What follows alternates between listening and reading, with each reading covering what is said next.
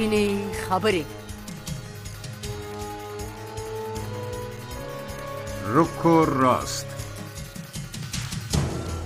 سپینې خبرې روکو راست.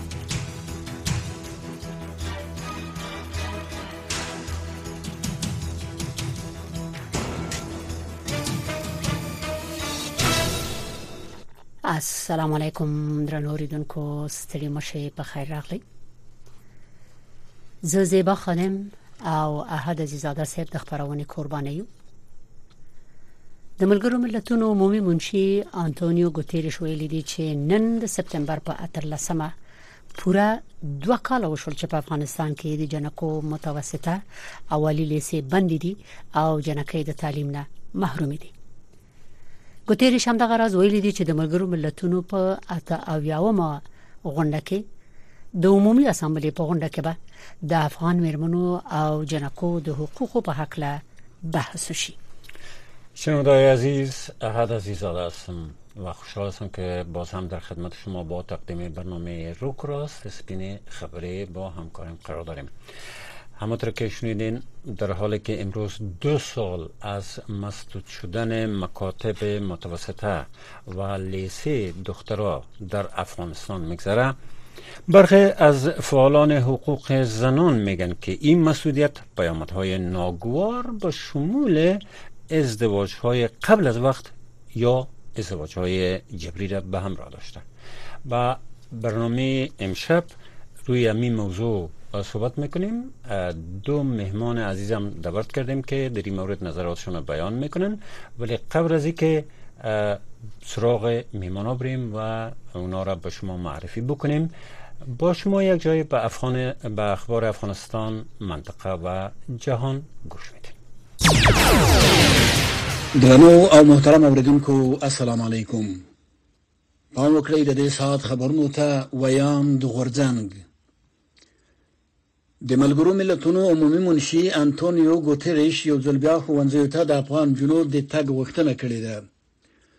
ګوتریش نن پر خپل ایکس پاڼه یا پخواني ټوئیټر کې لیکلي چې د دوشنبې په ورځ په افغانستان کې خوندزي ته تر شپږم ټولګي پورته نجونو د نه راګرځولو دوه کاله پوره شول.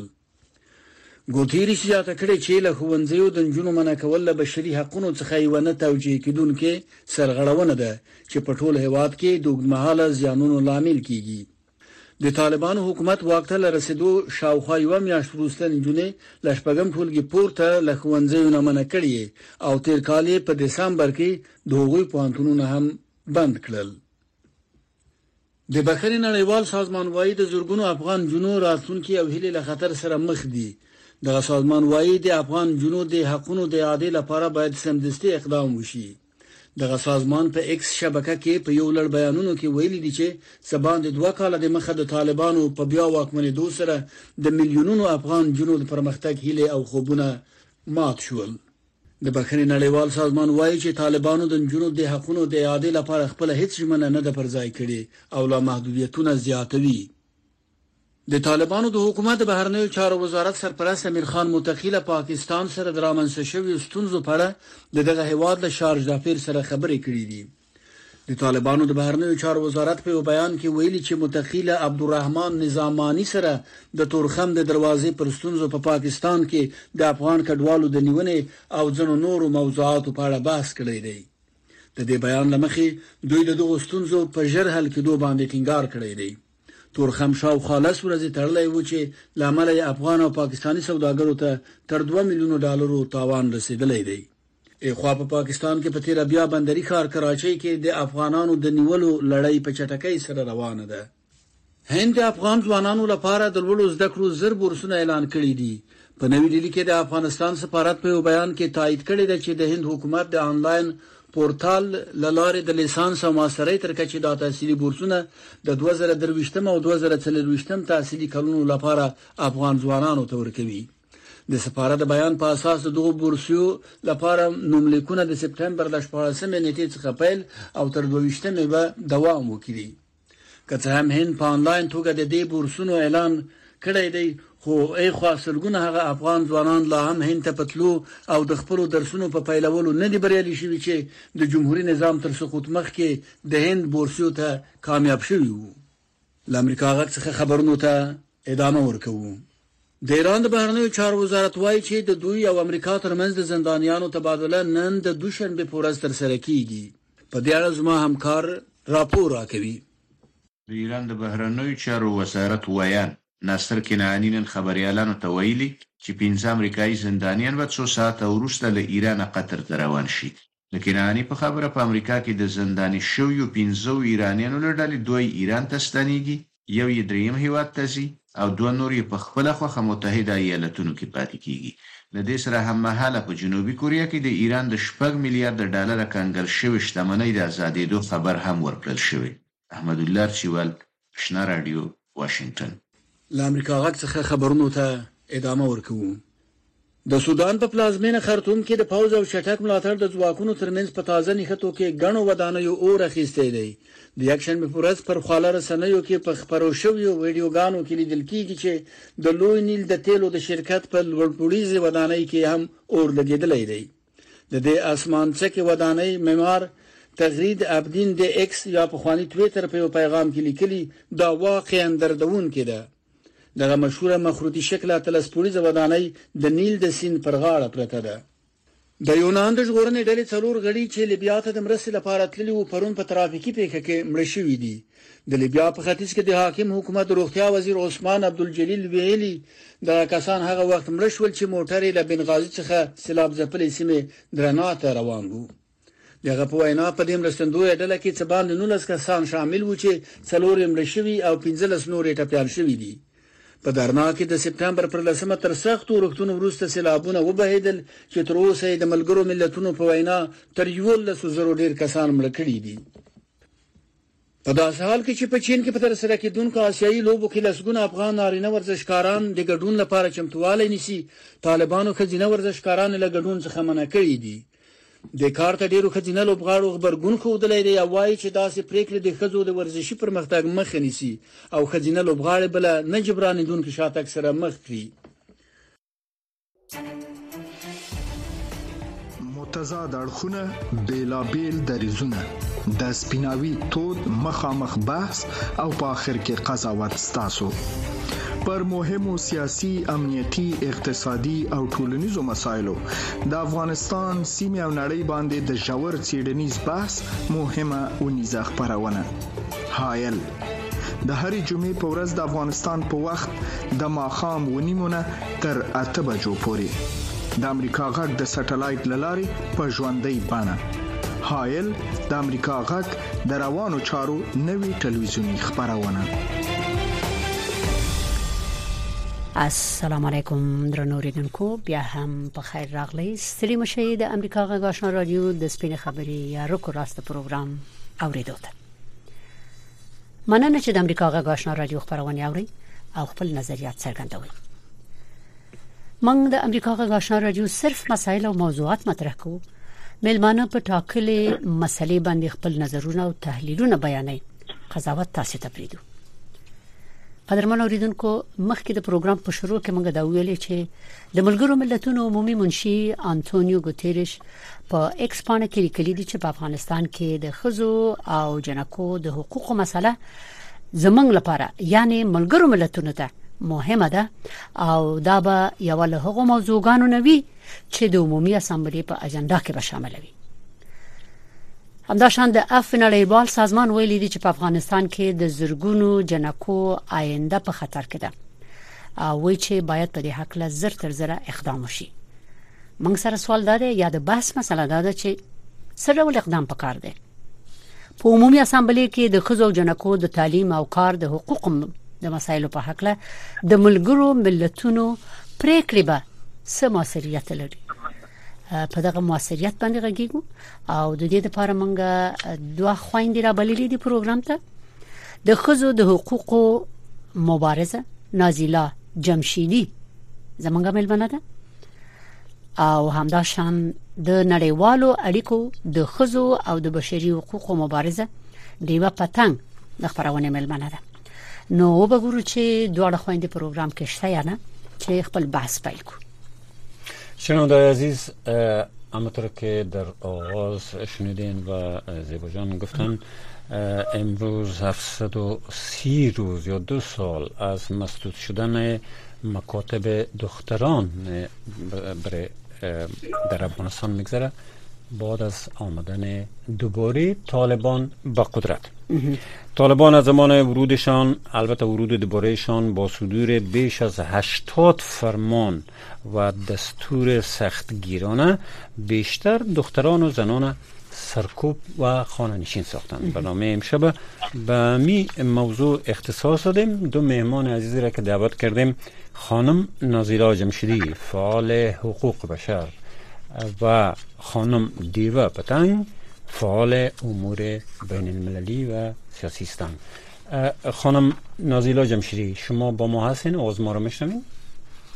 بله بله. سلام به شما و شنونده های برنامه شما. ممنون از حضورتان. خانم دیوه پتنگ شما با ما هستین؟ بله سلام به شما برسد. تشکر بسیار از دعوتتان. بسیار زیاد تشکر از هر دو مهمان گرامی. ستاسو په اجازه احد عزیزاده صاحب. دواړو خويندو نازیلا جمشیدی د خزو د حقوقو مبارزې ستړي مشي پروګرام ته په خیر راغلی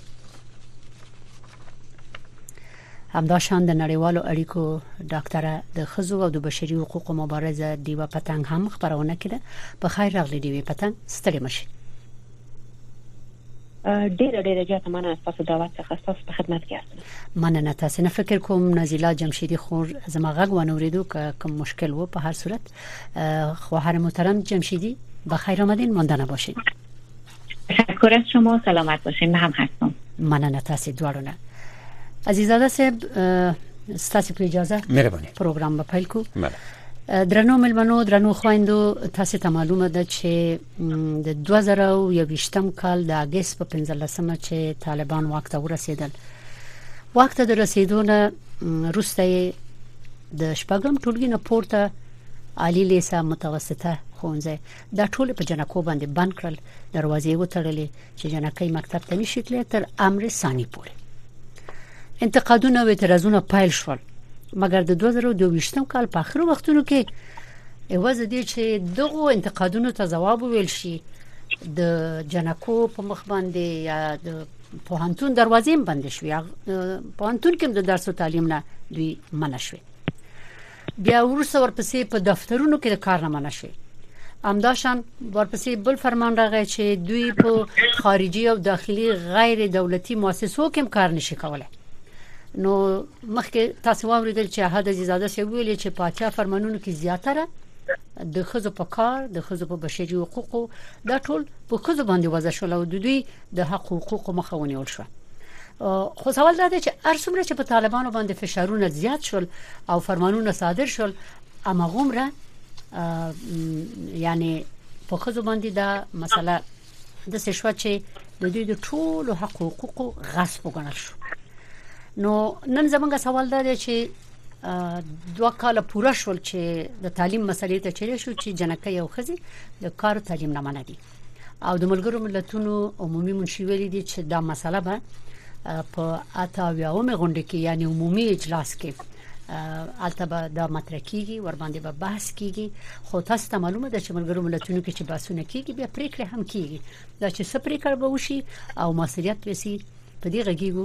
او دا ګورو چې دومره فرمانونه صادر شو د دنیا یوې خواته او طالبانو خپل دریز نه دی بدل کړی. ولی اول سوال ما سره هم داده فکر کوم زیاده سره موافق یا نه؟ بله. چې اول سوال هم داده چې تر اوسه پورې ولی طالبانو باندې دغه مسلې تاثیر نه دی کړی او غاړه ورته نه دی خي او هم دا وای تر امر ثاني پورې او د شرایطو تر آماده کېدو پورې. نو کاول د نزیله خور نظر و ورسه عزیزاده بله. نازیلا جان شما سوال گرفتین چرا؟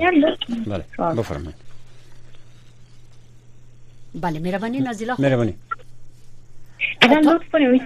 طالبان چرا تا حال بینمی خاص دنیا و افغانا اهمیت ندادن و میگن تا امر ثانی دخترها با مکتب رفتن نمی‌تونن پوانتون بسته است و زنها اجازه کار ندارن تا که شرایط مساعد شود؟ شما می‌فهمین که در ایراسا چقدر مبارزه شده تا حال؟ خب بدون شک مبارزه خیلی زیادی صورت گرفته ولی از چیزی که من به زو خوشبین نیستم که امر ثانی وجود نداره. همین نظر طالب ها می باشه و یاد ما نره که طالبا و اینا و یک دولتی نیستند که بر اساس رأی و رضایت مردم ایجاد شده باشند و به خواست مردم افغانستان همینا توجهی داشته باشند که آیا مردم افغانستان از اقوام و اقشار مختلف می‌خواهند که دخترنا به مکتب بره یا خیر. اینها یک گروه هستن با یک رهبر و هر آنچه که از قندهار فرمان صادر بشه و این گروه بدون هیچ نوع چونکرایی و بدون هیچ نوع توجهی به خواست و رضایت مردم افغانستان همون اجرا می‌کنن. و من هیچ تفاوتی بین این دوره و دوره سالهای 1990 اینها نمی‌بینم. من باوری ندارم که امرسانی وجود داشته باشه. اینها در ابتدا مسائل امنیتی مورد بهانه قرار گرفتن.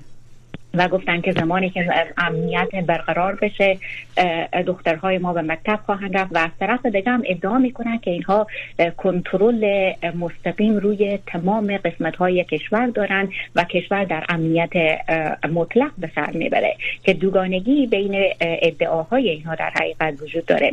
از طرف دیگه هم بعد آمادن ادعا کردن که محیط مکاتب و دانشگاه های افغانستان صد درصد اسلامی نمی باشه که یک ادعای کاملا بی رفت هست یک بی مفهوم هست. افغانستان همیشه یک کشور اسلامی بوده و همون نصاب درسی و تعلیمی افغانستان همیشه بر اساس موازات و اصول اسلامی تعیین شده که این هم باز هم بیمورد هست. و در غیر از این دو ادعا و بهانه اینها چیز دگی هم نیاوردن و من باوری هم ندارم که بیارن این دو سال گذشت سالهای دگه هم خواهد گذشت و مکاتب و دانشگاه ها به روی دخترهای ما بسته خواهد ماند. و حتی اگر شما توجه کرده Pues Medellín.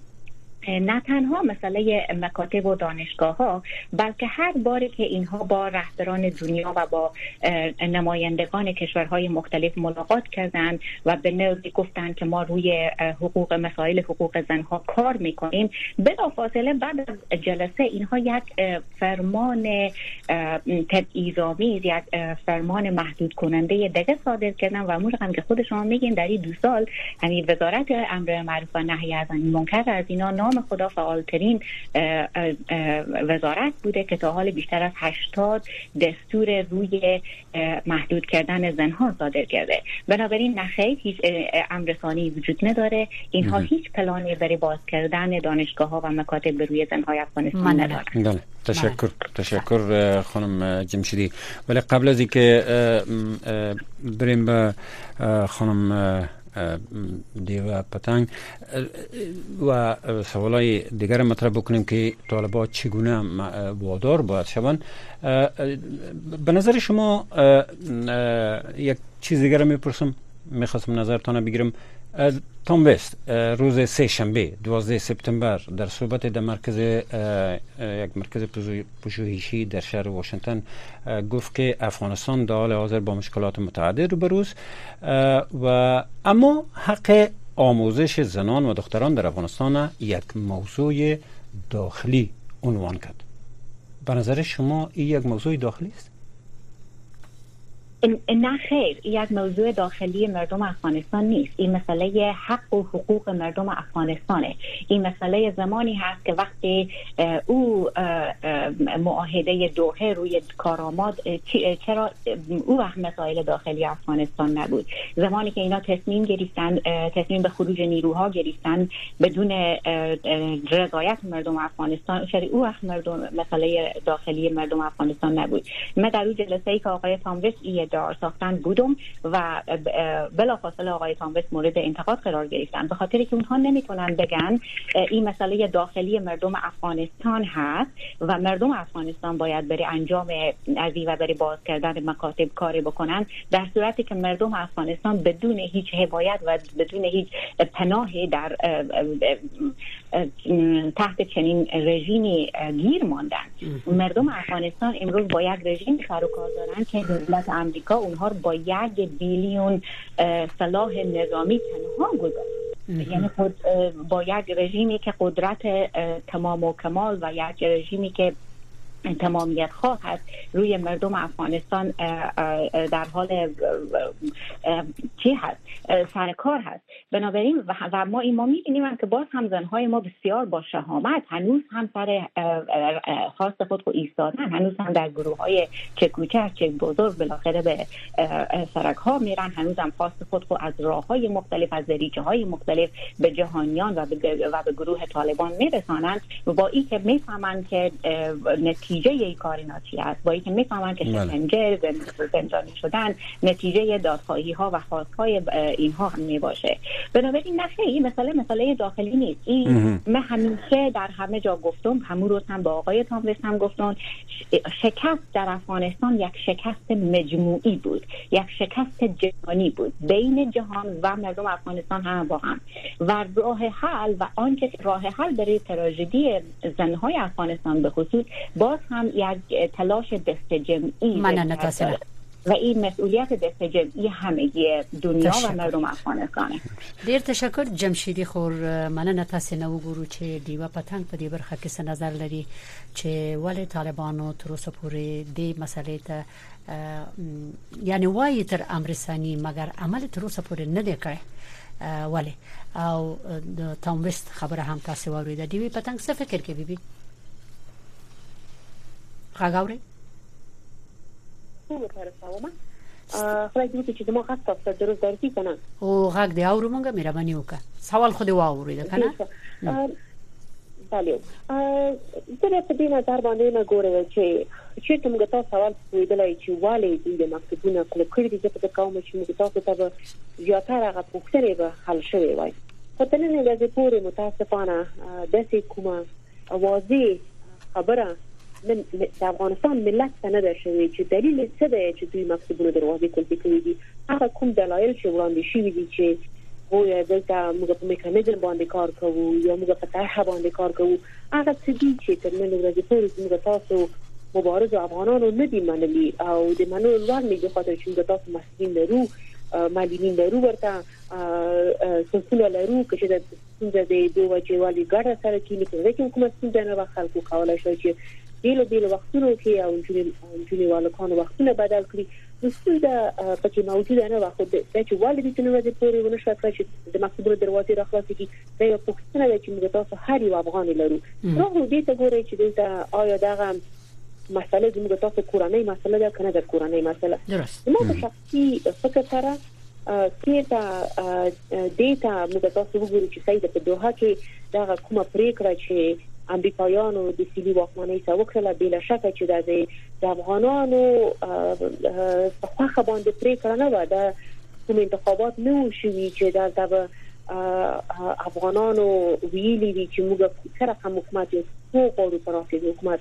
خو دلته یو معاملې وشله د چې اوس موږ تاسو د کو په منځ کې د غفلت دي بلا شک چې نړیواله ټولنه خپل ځان مسؤل ګڼي چې د دې کې موږ باید دلته خپل غږ جکو خو موږ تاسو نه راځي پوری ویني چې دوی هغه خپل تعامل هغه سیاسي تعامل ورسره کوي دوی ورسره کوي خبرې ورسره کوي.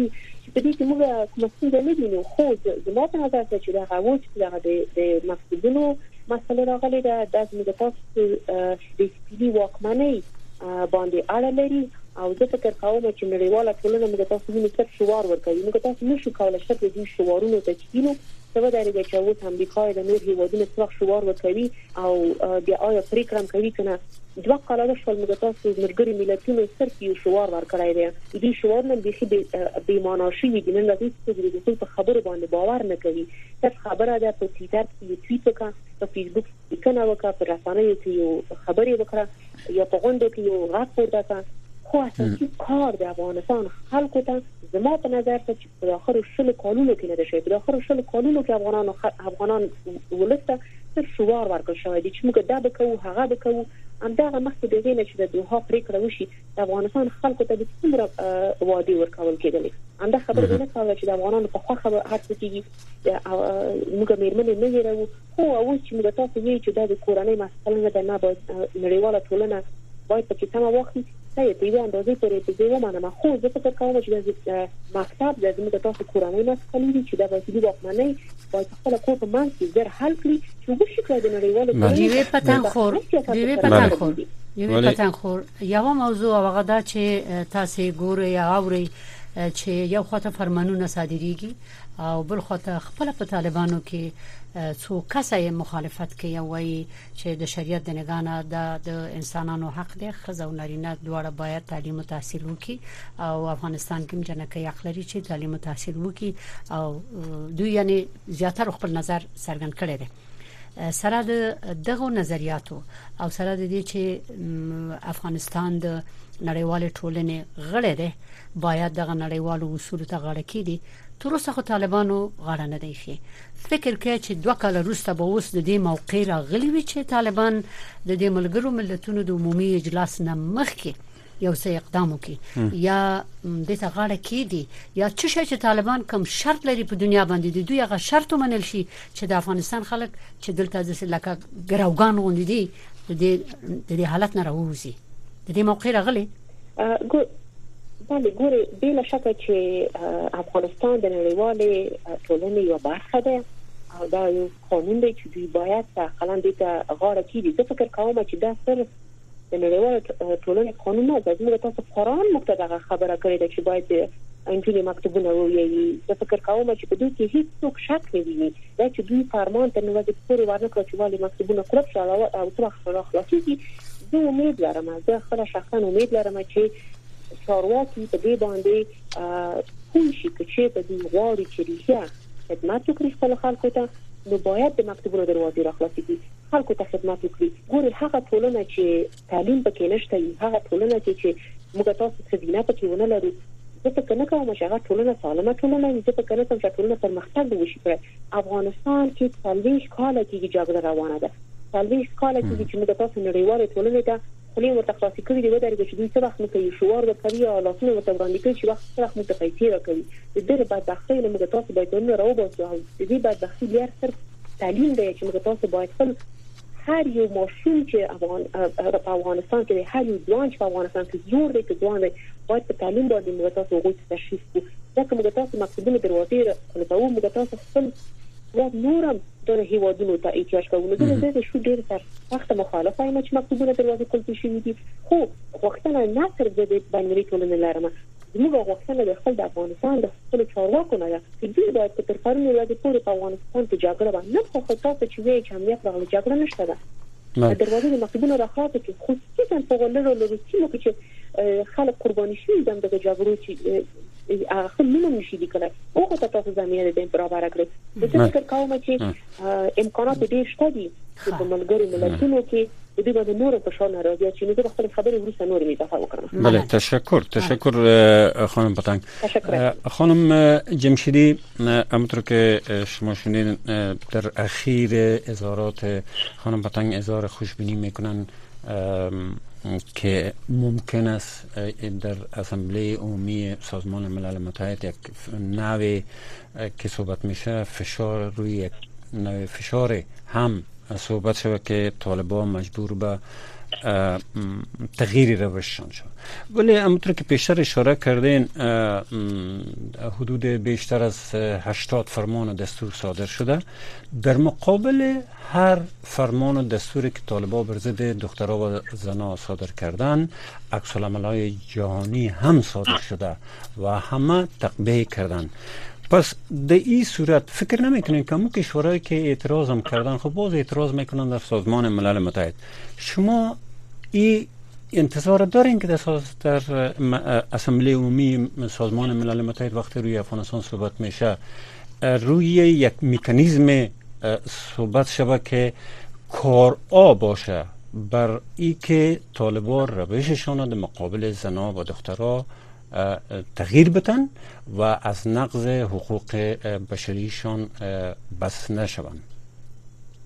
به تایید صحبت شخص شما باید بگم که دقیقا همو یک مکانیزم جامع واحد و مکانیزمی که اکثر کشورهای عضو سر از او توافق نظر داشته باشن آرای نظر روی از او وجود داشته باشه برای نوع روی کرد اینها با طالبان برای نوع تعیین خط سرخهای اینها به طالبان که یعنی اگر مکاتب تا این تاریخ باز نشه روی کرد جامع و واحد و متحد ما در مقابل طالبان چه خواهد بود؟ و اگر اگر این فرمان ها متوقف نشه روی کرد ما نوع تعامل ما نوع برخورد ما نوع روابط اقتصادی ما با طالبان چه خواهد بود؟ همون کم بوده. من یک چیزی که من فکر کنم که تمام کشورها روی از او اتفاق نظر دارن. این هست که گروه طالبان به هیچ عنوان نمی‌خواین مسائل مربوط به حقوق بشری زنها رو احترام بکنن. طوری که در معاهدات در طوری که در قوانین و کنوانسیون های بین المللی حقوق بشر آمده در این چیز اینها اتفاق نظر دارن و به این نتیجه در این دو سال رسیدن. این رو هم می‌فهمن که این رو روی کرد به نه به نفع منطقه می باشه نه به نفع مردم افغانستان می باشه نه به نفع همسایه ها می باشه. حتی هم حامیان استراتژیکی طالبان هم می‌فهمن که این به نفع اینا نیست. این رو روی کرد در مقابل زنها باعث ایجاد مهاجرت ها میشه و خیلی مسائل دیگه که در, در تعقیب او هست. اینها همه می‌فهمن که این به نفع هیچ کس نیست نفع استراتژیکی اینها نیست و می‌خواین که این مسئله وارسی حل بشه. در این قسمت من فکر می‌کنم کشورها همگی یک توافق نظر دارن در رابطه با نوع نگرش اینا به گروه طالبان. اما در نوع روی کرد خو اینا هم اختلاف نظر داشتن. همون هم ما می‌بینیم یک تعداد دیپلمات های اینها رو کشورها استقبال می‌کنن از اونها در حقیقت برای نادرای میدن یک تعداد دیگه اجازه نمیدن یک تعداد میان استراتژیکی اینها می باشن یک تعداد دیگه مخالف نوع روی کرده اینها می باشن بالاخره اختلاف نظرها در نوع برخورد با طالبان از نگاه ما در بین کشورهای عضو وجود داره که این دیگه واقعا وظیفه ملل متحد هست. از یک طرف و وظیفه دیاسپورای افغان هست. مردم افغانستان در بیرون که دسترسی بیشتری به منابع دارن و به سازمان ملل دارن که نوع خاص خودخور به سازمان ملل پیشکش بکنن و سازمان ملل وادار بسازن که بین اعضای گروه کشورهای عضو دیگه همو جا, جا همو استراتژی واحد و جامع ایجاد بکنه. برای پاسخ ولی ولی خانم جمشیدی سوال است که آیا ملل متحد دیگه چی کده می‌تونه چندین بار ملل سازمان ملل متحد هم با طالبان در مورد این موضوع و دیگه مورد نقض حقوق بشر زنا و دیگه کتله های افغان صحبت کردن. ولی تا نتیجه ندادن. شما فکر می‌کنین شما امیدوار هستین که ملل متحد بتونه این موضوع را حل بکنه و چه نوع فشار به نظر شما ملل متحد بیاره بر طالبا که تغییر بکنن؟ ببینیم چندین مسئله وجود داره. من باور دارم که ملل متحد بعد قدم ها رو برداشته یعنی که اونها رو نباید نادیده بگیریم. کنفرانس ها صورت گرفته قطعنامه ها نوشته شده مجالس صورت گرفته گفتگوها با اقشار مختلف مردم افغانستان در داخل و بیرون صورت صورت صورت صورت گرفته گزارشگر ویژه فرستاده شده که اینها هم ارزش خود خود داره اینها هم بالاخره به نفع مردم افغانستان هست. ما به اونها ضرورت داریم. آنچه که صورت نگرفته که به نظر سازمان ملل به نوع ناکام مانده در او در, ای در ایفای نقش هماهنگ کننده خود خود به نوعی سازمان ملل در پهلوی قدم های دگی که برداشته که بسیار هم مهم هست در این مدت دو سال بیشتر نقش اینجویی داشت. یعنی بیشتر آماد روی این کمک های بشر دوستانه و نمی‌فهمم این مسائل در داخل افغانستان پرداخت. یعنی کاری که یک اینجو هم می‌کرد یک اینجوی بین المللی دیگه هم به ساید خیلی خوب زودتر می‌تونست این کارها رو انجام بده در حقیقت. اما نقش هماهنگ کننده خود خود که بسیار مهم و حیاتی هست. یعنی ما دیگه نداریم غیر از سازمان ملل که این نقش هماهنگ کننده بین تمام کشورهای عضو و به خصوص کشورهایی که تصمیم اینا نوع روی کرد اینا بسیار کلیدیه و کشورهای دیگه هم همون باز پیروی می‌کنن در رابطه با طالبان همون به نوعی سازمان ملل از دست داد. که زمان از رسیده اینها فکر می‌کردم من فکر می‌کنم دیدگاه اینا بود که همین قدم های کوچک می‌تونه گروه طالبان وادار بکنه نظر به ضعفی که گروه طالبان دارن. و نظر به فریب هایی که در حقیقت اینا از گروه طالبان خوردن. چون وقتی که گروه طالبان سر قدرت آمدن به مردم افغانستان و به دنیا اعلان کردن که خواهران و برادران ما حقوق مساوی می داشته باشند و اینها به نوعی منتظر بودن که اینها هنوز گپ خود خود روی عمل نشون بدن و قدم های سخت به مقابل از اینا بر نداشتن. اما در زمان از رسیده که سازمان ملل به عنوان تنها کسی که می‌تونه تنها نهادی که می‌تونه این هماهنگی جامع که بسیار دشوار هم هست ها منافع استراتژیکی متفاوتی دارن در رابطه با مسائل افغانستان که اینها رو دور هم بیاره و یک مکانیزم واحد یک استراتژی واحد ایجاد بکنه بسیار دشواره. اما این کار فقط سازمان ملل کرده می‌تونه و باید هم انجام بده. در غیر از وجود سازمان ملل دیگه به نفع مردم افغانستان نیست چون قدم هایی که داشتن کار نکرد. و اینا خود اینا هم می‌فهمن مردم افغانستان هم می‌فهمه. بله ډیر معذرت غواړم جمشید خور تاسو نه ډیر زیاته مننه. ستاسو نظر خو واوریدل شو. و سوال دا دی چې زمونږ ډیر کارپوهان چې راځي د خبرونه کې برخه اخلي دوی هم دا بحثونه کوي او زیاتره دا نظر ورکوي چې لکه څنګه چې تاسو مو ویلې په ملګرو ملتونو کې دا غړي ملکونه چې دي ټول هر یو اول خپل منافع په نظر کې نسی چې دا یو یو حقیقت دی او باید د خپل ملکونو د منافع دفاع وکړي.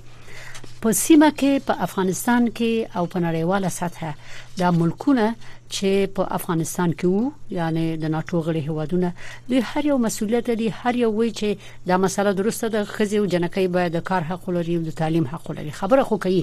مګر کله چې د پریکړو مسله شي او فرض کې پریکړه هم وشوه چې په طالبانو باندې د سي یا دغه سي بندیز ولګول شي.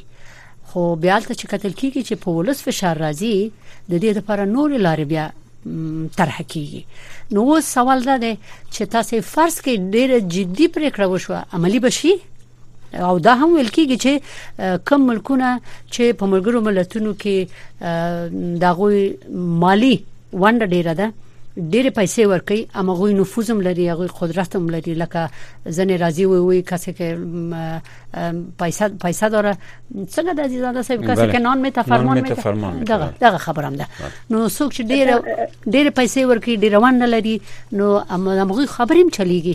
توقع ده څه ده ډېر پتن خورته نه غواړم هم د اول ساس نظر واورم دی برخه کې ډیره زیاته مننه زه فکر کوم ګوره چې دې ته باید موږ تاسو وګورو چې لکه تاسو وایئ چې نړیواله ټولنه او یا مګر ملتونه دا ټول هیوادونه چې دي دوی خپل مناسبات نظر کې نیسي نه بل شک چې په دې باندې موږ تاسو پیږو خو څه شي چې موږ تاسو په کې پاتې راغلي یو افغانان اچ موږ تاسو خپل مناسبات په مرګري ملتونو کې د قانون قانون ونه شوي چې دا وساتو دلیل یو دا دی وګورئ چې موږ تاسو په د اخر شلو کالونو کې مرګره ملتونو ته د دې قناعت ورنکړل ګورئ په افغانستان کې خو د افغانستان خو تاسو ته کومه کومه پیګه تاسو ته تاسو هیوا ته کومه ستونزه نه درغلي هر کومه بلا چې راغلی خو موږ د همسایه هیوادونو تاسو ته راغلي ده. ولی همیشه د موږ تاسو هغه ستونزې افغانستان ته راپېښې شوې ده. د دې څه و چې موږ تاسو هیڅ ښه ډیپلوماسي نه درلودله هغه رقم پالیسی چې موږ تاسو باید مخته بولې وای چې په ملګرو ملتونو کې موږ تاسو ډیپلوماټان باید کوم تاور باندې غږیدلی وای په کومه طرح باید وړاندې کړی وای په دې کې موږ تاسو پاتې راغلی یاستو د جمهوریت په وخت موږ تاسو همیشه هغه رقم لوبم کړی دا چې هغه موږ تاسو همیشه کوشش کړی چې د نورو هیوادونو ملي ګټې په نظر کې ونیسو هیڅ وخت د افغانستان ملي ګټو باندې کار نه دی ور باندې کړی دا دلیل دی چې نن ورځ مرګري ملتونو کې د افغانستان هغه خبرې هم ډېر زیات مهمه نه پکې ښکارېږي مرګري ملتونه چې دي موږ تاسو وینئ هغه ته پیسې څو ورکوي؟ هم د امریکا ورکوي. زیاتره پیسې امریکا ورکوي. هر څه چې ډېر پیسې کوي دغه د پالیسي ماته چلیږي دغه د غاښ پورته ویاده دا چې امریکا د افغانستان ته خپل هغه کومه مشترک اړیکې چې پلان وسه لري چې دوی هغه خپل هغه پالیسي چې د افغانستان لپاره لري هغه کوم د غره درې څه په کله چې دوی د سپیډ واکمنۍ باندې کوم جدي فشار براوړي و سوال ده ده او بخیر و سوال ده ده او سوال ده ده چې د افغانستان کې د طالبانو په موجودیت کې د ولس ګټې باید په نظر کې ونیول شي او د تاسو چې ول امریکا د دیم او د گاونډیانو دغه څنګه په نظر کې ونیول شي دغه توازن څنګه راشي؟ چې دغه طالبان د دې خپل پالیسیو نه واوړي جنکې مکتب ته پریدي خځې کار ته پریدي خلکو ته کار پیدا شي او د دوی حکومت پر رسمیت پیژندل شي چې دوی مبارزه کوي. او تاسو ګوري چې په سیمه کې په منطقه کې په هوادونو کې یو نظر نشته. ټول ارڅو خپل منافع په نظر کې نیسي. چې نه غوډي ورسره تعامل کو خپل سفیر یې غوډي ولګنو او دوی خپل اقتصادي ګټې لري. ګوري دا په دې شکل باندې کېږي چې موږ تاسو وګورانه خپل پالیسيانه مخته کو خو متاسفانه دوی په خاطر باندې چې نن ورځ موږ خپل افغانان چې د خپل حکومت نه بیل است هغه یو موږ تاسو چې باید وحدت په خپل منځونو کې ولرو. هغه موږ تاسو کوم لرو. دا دلیل دی چې موږ تاسو یو ژبه باندې ناسو چې چیرته ملګری ملتونه واقعیت غواړي چې په افغانستان کې سوله راشي دوی کولای شي چې خپل هغه د فشار ټکی ور باندې راکړي موږ تاسو ګورئ چې په هر کونج یو کوم نه یو میرمن راپورته چې د افغانستان نماینده هستم. په اروپا کې بناستوي زه خپل شخصا فکر نه کوم چې وګورئ وشي کړی د افغانستان میرمنو د دې اروپا کې وکړي ها بدایي چې ته موږ تاسو ډیره لپاره لابي وکړو چې مرګري ملتونو ته ورته ویي چې تاسو په شاراو په سپیډي واکمنۍ باندې چې د خزو کمیسیون په افغانستان کې راځو چې هغه میرمنې وشي کړی چې خپل هغه غوښتنې د مرګري ملتونو نه وکړي دغه دا یو خالیار وی چې څومره تاسو د افغانستان د اصل افغانانو میرمنو هغه چې دغه طریقې نه د موږ تاسو کولای شو چې د افغانانو د میرمنو له طریقې نه د موږ تاسو د هغوی هغه څه چې ضرورت دی هغه هم ونورو چې ورته وی چې افغانستان خلکو دغه ضرورت دی ترڅو مرګري ملتونه د وشي کړی چې په سړي واکمنۍ باندې فشار وړي او مرګري ملتونه چې کینی والا فرانای ګروپ چې د افغانانو دغه غوښتنې لري. او افغانستان د افغانستان حکومت به ته وتوي چې والا د زموږ کورنۍ کورنۍ مسله ده. موږ نه غواړو تاسو ته دې باندې خبرې وکړو. دوی په خاطر باندې چې غاګونه د افغانستان نه راپورته کیږي له تاسو افغانستان دلیل باندې موږ پیږو چې افغانان نشي کولای چې اعلان د افغانستان کې شي هغه رقم غټ ضرور دی چې باید راپورته شي. خو مرګري ملتونو ته زه فکر کوم موږ تاسو باید دا پیشنهاد وکړو چې په سیلي واکمنۍ باندې فشار راوړي د افغانستان کې موږ تاسو ډېر مبارزې مېرمنې لرو چې کومې څه جوړ دي چې وشي کړی چې مستقیم دي د مرګري ملتونو سره خبرې وکړي. اساس د د میرمنو په منځ کې وته چې څوک خدي شي چې د افغانستان د میرمنو درد او هغه څه ورته بیان کړي. چې تر کوم دا یو بهتره دیار به تر څومره تاسو ورور وشو چې مخه راشو. ایران موږ تاسو دومره ستونزې په خپل مخه کې لرو چې فکر کوم چې موږ تاسو همدغه په خاطر باندې مرګري ملتونو سره د افغانانو غخیت غاړي مړې وساتي چې څو خلک د وګړو مړ شي په خاطر باندې موږ تاسو بهرنی سیاست مکمل پاتې دي خانم پتنگ گفتار شما به نظر من درست است که میگن خانم های مبارز در افغانستان زیاد هستند و در خارج از افغانستان هم زیاد هستند ولی ما شما در روزهای گذشته دیدیم که یک تن از افغان ها در شهر کلن به اعتصاب دوازده روزه دست. اما از او خانمایی که در گذشته های 20 سال چوکی های بسیار بلند کار کردن یکیشان به او همراهی نکردن او, او, او را تقریبا تنها ماندن تعداد بسیار کمی همراهش یک جای شدن ولی که بسیار نبود که لازم بود ایره انتشار می‌دادن ولی به هر حال خانم جمشیدی سوال ما عزیز که شما چی فکر می‌کنین؟ آیا اگر ملل متحدم به یک اماهنگی که خانم پتنگ ذکر دادن, دادن نرسن و ملل متحد هم بالاخره به اصلاح زورش نکشه بر طالبا. خطر انتشاری تراژدی که شما نام بردین. یعنی محدودیت زنا و کارشان و درسشان. و دیگه کشورهای که از نظر تعلیم تربیه پایین هستند به کشورهای به اصلاح جهان سوم یا چهارم هستند چقدر دیده میشه به نظر شما؟ به نظر من همون رقم که من پیشتر گفتم این یک نگرانی جهانی باید باشه برای همگی. و همون رقم که تروریسم یک نگرانی جهانی بود از چند از دو دهه به این طرف تا امروز خصوصا یک نگرانی جهانی و یک تلاش دست جمعی جهانی میطلبه برای رفع از او برای مهار از او به تمام مسائل حقوق بشر زنهای افغانستان هم به خصوص باید یک به نوعی زنگ خطری به گوش دیگه کشورهای اسلامی و دیگه کشورهایی هم که در معرض تروریسم هستند و در معرض گروه های مختلف هستند که دیگه کشورها هم وجود دارن که گروه های اسلامی گروه های مختلف گروه های ضد دولتی در او و یا شورشی در او جریان داره و اونها فعالیت دارن. ببینین این یک زنگ خطری باید ایجاد بکنه که اگر قرار باشه چنین اتفاقی در رابطه با حق بنیادی یک اپلی عظیمی از جمعیت یک کشور اتفاق بیفته. او هم فقط به خاطر که یک گروهی میایه قدرت با زور می‌گیره. او هم نگاه رضایت مردم افغانستان بلکه با زور می‌گیره.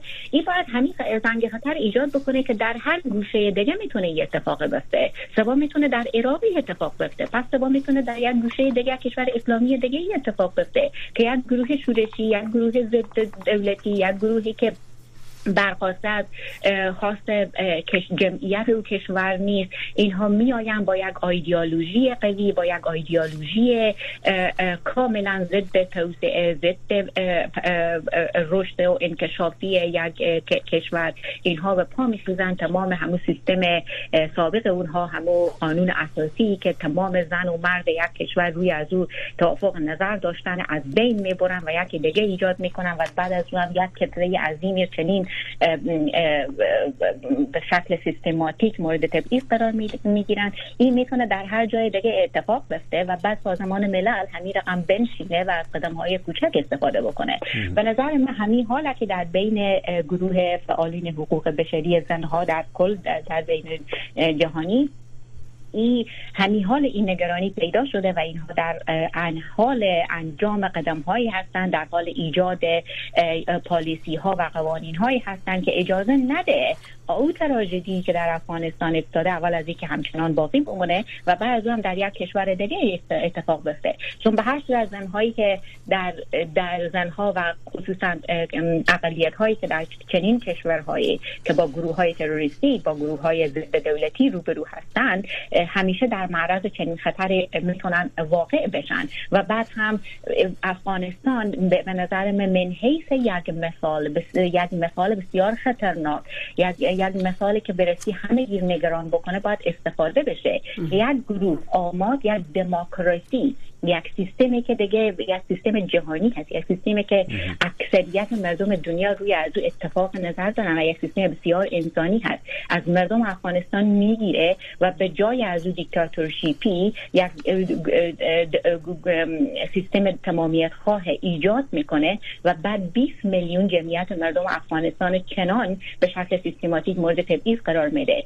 این باید تمام دنیا نگران بکنه. چون می‌تونه هر جای دیگه اتفاق بیفته اگر تا افغانستان اتفاق افتاد و روی کرده که امروز جهانیان انجام میدن در مورد افغانستان باز هم باید نگران بکنه کشورهای دیگر که می‌کنه چنین روی کرده سبا حال حال اونها هم باشه. او بخی جمشیدی خوردل ته سوال پیدا کیږي او زه وخت هم ګورم ساعت ډېر لږ وخت پاتې دی فقط غواړم نظرم واخلو د سیاو دقه او د دیوی پتنګ خورم.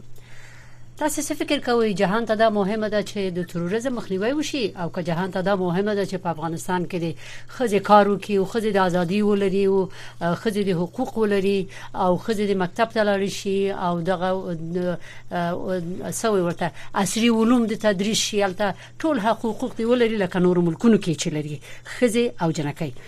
جهان ته چی مهم دی؟ او افغانستان ته چی مهم دی؟ هغه افغانان ته چی مهم دی؟ هغه خو معلومه ده فقط کداغه معلومه شي چې جهان ته مهم دي نو بیا کې دې شي د مسله حل شي. او د طالبانو موجودیت جهان ته په افغانستان کې څومره مهم دی. دا بل مسله ده. یو یو دقیقه لکه چې پاتې ده بله؟ کدا مسله حل شي نو د خزو د تعلیم مسله د حقوق مسله به هم ورسره حل شي. دوی پتن خو یو دغه وخت لري بله زما په نظر ته زما شخصي په نظر ته چې نړۍ ته خپل منافع مهم دي او دوامه د دې د مهمه ده چې امنیت دې ډېر زیات مهم دی نړۍ ته نړۍ ته اسان مهمه ده خبره نه ده چې افغان میرمنه درس یې کنه دی دا غجاتره وخت چې موږ تاسو چې دوی شوار ورکوي ولی دوی جدي سمونه نه کوي دلیل دا دی چې دوی صرف خپل امنیت غواړي چې خوندي وساتي فعلا چې واکمنۍ راغلي ده دوی ویني چې دوی د پاره ډیر ارزانه تمامېږي. هغه پیسې چې دوی په جمهوریت کې مصرفولې په امنیت باندې هغه پیسې او زیاتانه مصرف یې هغه دي چې هغه دوی به ورکوي چې د تاسو واشه خپل خلک ور باندې وساتي نو زه فکر کوم چې نړیواله ټولنه ته صرف څه امنیت ورته لومړیتوب ته لري او زه یو بل خبره کوم چې ورته خبره وکړه چې والي هغه میرمنې چې مبارزه وی چې په شلو کلونو کې په چوکۍ باندې کار وکړ والي هغه پورته نه کړل هغه میرمنې چې په کلون کې ډوډۍ نه وخوړلې او کوشش کاوه چې د میرمنو لپاره پورته کی یو دلیل دا دی ګوري چې موږ تاسو وینو چې موږ تاسو ډیر زیاتو شخصیتونه په افغانستان کې د لودل غټو غټو چوکانو کې کار کوله خو نن ورځ په هر کونج کې یو کوټه کې ضرورت مننه. تشکر. دلیل دا دی چې دوی تمام دي چې سیاست د دولت سره کوي تشکر. میره تشکر. خانم جمشیدی مهربانی. نظر شما رو می‌خواستیم داشته باشیم جمشیدی خور مهربانی. او که غاوری من فقط اگر دوباره سوال برای من تکرار کنین لطف کنین ما سوال ما بود که برای جهان امنیت جهان مهم است که جلب عملات تروریستی گرفته شود یا مسئله داخلی افغانستان که دخترها و زنها کار کنن و مکتب برن و مثل دیگه ممالک آزادی داشته باشن. این آن. ما حدود یک دقیقه و طالبان میگه ما امنیت آوردیم برای جهان هیچ خطر تا از ما متوجه نبوده و نخواد بود. بفرمایید خانم وقتی که چنین مسائل حقوق بشری عظیمی در یک جا جریان داشته باشه بدون شک بی‌ثباتی از رو به وجود می آید مثلا کتله های مهاجرت ایجاد میشه فقر گسترده ایجاد میشه بله. بی‌ثباتی ایجاد میشه که در اون صورت با تاثیر خود روی منطقه و جهان داره بله. به نظر من برای دنیا باید مهم باشه که آنچه در افغانستان اتفاق میفته تاثیر از روی ناامنی جهان روی بی‌ثباتی منطقه خواهد بود تشکر, تشکر. مهربانی. از خانم نازلا جمشیدی فعال حقوق بشر و خانم دیو پتنگ تحلیلگر امور بین و همچنان فعال حقوق بشر. بسیار زیاد تشکر که در برنامه ما هم گرفتین و حضور یافتین. پامخمخه درنو منو تشکر. و مشترکاً با شما یک جای شنونده عزیز به اخبار افغانستان منطقه و جهان گوش میتیم شنوندگان عزیز سلام. شب همه شما بخیر. حفیظ آصفی هستم. توجه کنین به خبرهای این ساعت انتونیو گوترش منشی عمومی سازمان ملل متحد در دو سالگی ممنوعیت آموزش دختران در افغانستان آن را نقض جدی حقوق بشر خوانده است. امروز دوشنبه 18 ماه سپتامبر دو سال از ممنوعیت حضور دختران در مکاتب متوسطه و لیسه در افغانستان توسط طالبان سپری می شود همزمان با این روز منشی عمومی ملل متحد در شبکه اجتماعی ایکس نوشته است که این ممنوعیت آموزش دختران نقض غیر قابل توجیه حقوق بشر است که صدمه های طولانی مدت را به کل کشور وارد می کند به گفته گوترش دختران به مکاتب تعلق دارند و باید حکومت طالبان اجازه دهد که آنان به صنف‌هایشان برگردند. طالبان دو سال قبل در این روز اعلام کردند که آموزش دختران بالاتر از صنف ششم تا امرسانی تعطیل است.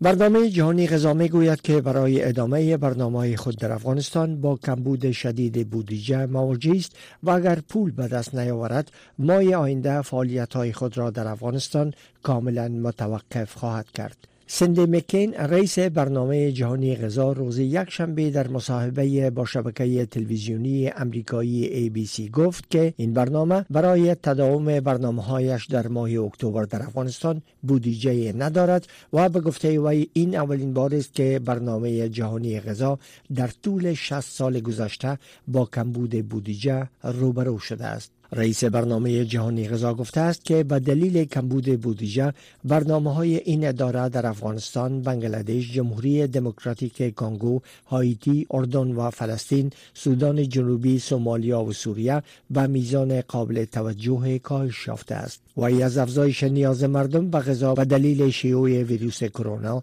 تغییرات اقلیم و جنگ ها من حیث دلایلی که باعث کاهش اعانه به این سازمان شده است یاد کرد. دولت هند یک هزار بورس تحصیلی آنلاین را در سطح لیسانس ماستری برای افغانها اعلام کرده است.